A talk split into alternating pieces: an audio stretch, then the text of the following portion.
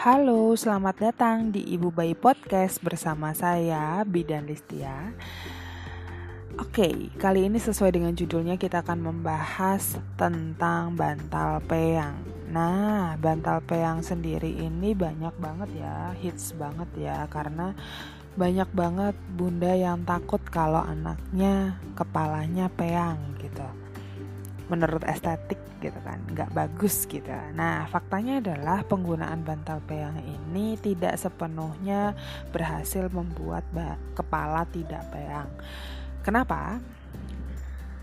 Nah kita akan bahas ya satu persatu. Nah di saat kita menggunakan bantal peyang, harapannya adalah biar kepala tetap adjust di situ aja gitu, nggak boleh ke mana-mana gitu kan. Jadi kepalanya masih mulus gitu kan harapannya kayak gitu padahal uh, kita lupa kadang kita lupa kalau anak itu adalah makhluk hidup anak adalah makhluk hidup kebayang gak sih kalau misalnya kita tidur terentang aja tiap hari terentang tok rasanya gimana sih panas kan punggungnya. Nah itulah kenapa banyak banget nih saya sering banget ketemu bayi itu punggungnya jadi ada biang keringatnya gitu. Karena bayinya nggak pernah dibolak-balik, nggak pernah dipindah-pindah posisinya terentang aja. Nyusu kadang kalau misalnya nyusunya pakai botol aja, pakai dot pasti juga terentang gitu. Jadi jangan biarkan anakmu itu cuma terentang aja gitu ya. Nah, yang kedua, bayi itu adalah makhluk hidup yang perlu bantuan dalam semua aktivitasnya. Oke, jadi di saat dia melakukan aktivitas apa pun, bayi itu kan cuma gerakannya cuma apa sih? Cuma gerak tangan, gerak kaki awal-awal lahir ya. Nah, kalau misalnya nih tiba-tiba sistem pernafasannya tertutup, mungkin karena dia pakai bantal terlalu tinggi misalnya atau dia gerak-gerak kemudian tiba-tiba uh, mungkin ke apa bantalnya ini terlalu tinggi gitu kan daripada tubuhnya kemudian jadi dia agak menunduk di mana saat bayi menunduk bisa menutupi jalan nafasnya apa yang terjadi? Sistem pernafasan tertutup dan bayi ini kesulitan untuk bernafas.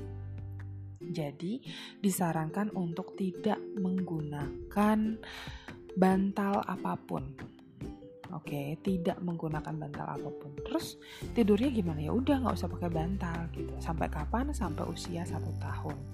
Kenapa? Ya itu lagi karena bayi ini tidak bisa menyelamatkan dirinya sendiri. Takutnya di saat kita tidak memperhatikan anak, tiba-tiba anak kesulitan bernafas dan kita telat untuk taunya gitu. Lalu gimana sih biar anak tetap kepalanya mulus, nggak peyang gitu kan? Caranya adalah yang pertama tidak usah dikasih bantal. Yang kedua, sering diubah posisinya dua jam sekali. Dari terlentang, kemudian pindah ke miring kanan, pindah lagi ke miring kiri, pindah lagi ke um, terlungkup kemudian terlentang lagi jadi pindah-pindah posisi aja pastikan nafasnya itu tidak tertutup. Itu aja sih. Ya. Karena banyak juga yang tidurnya sudah terlentang kemudian pakai bantal peyang akhirnya tetap peyang. Ya tetap ada gitu. Ya jadi tetap perhatiin kondisi anakmu.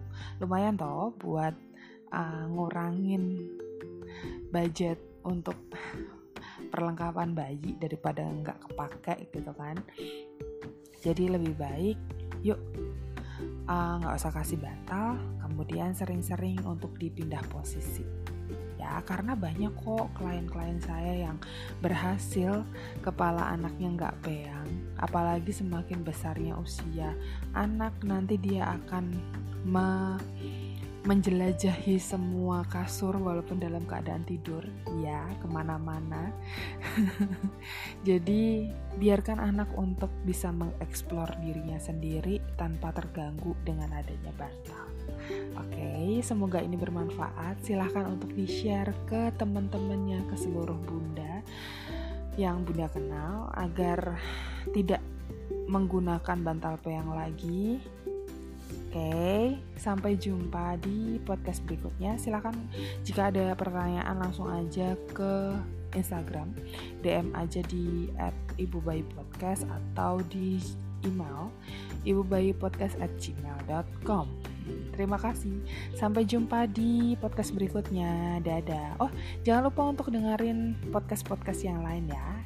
Semoga bermanfaat. Selamat Selamat istirahat dan selamat beraktivitas. Dadah.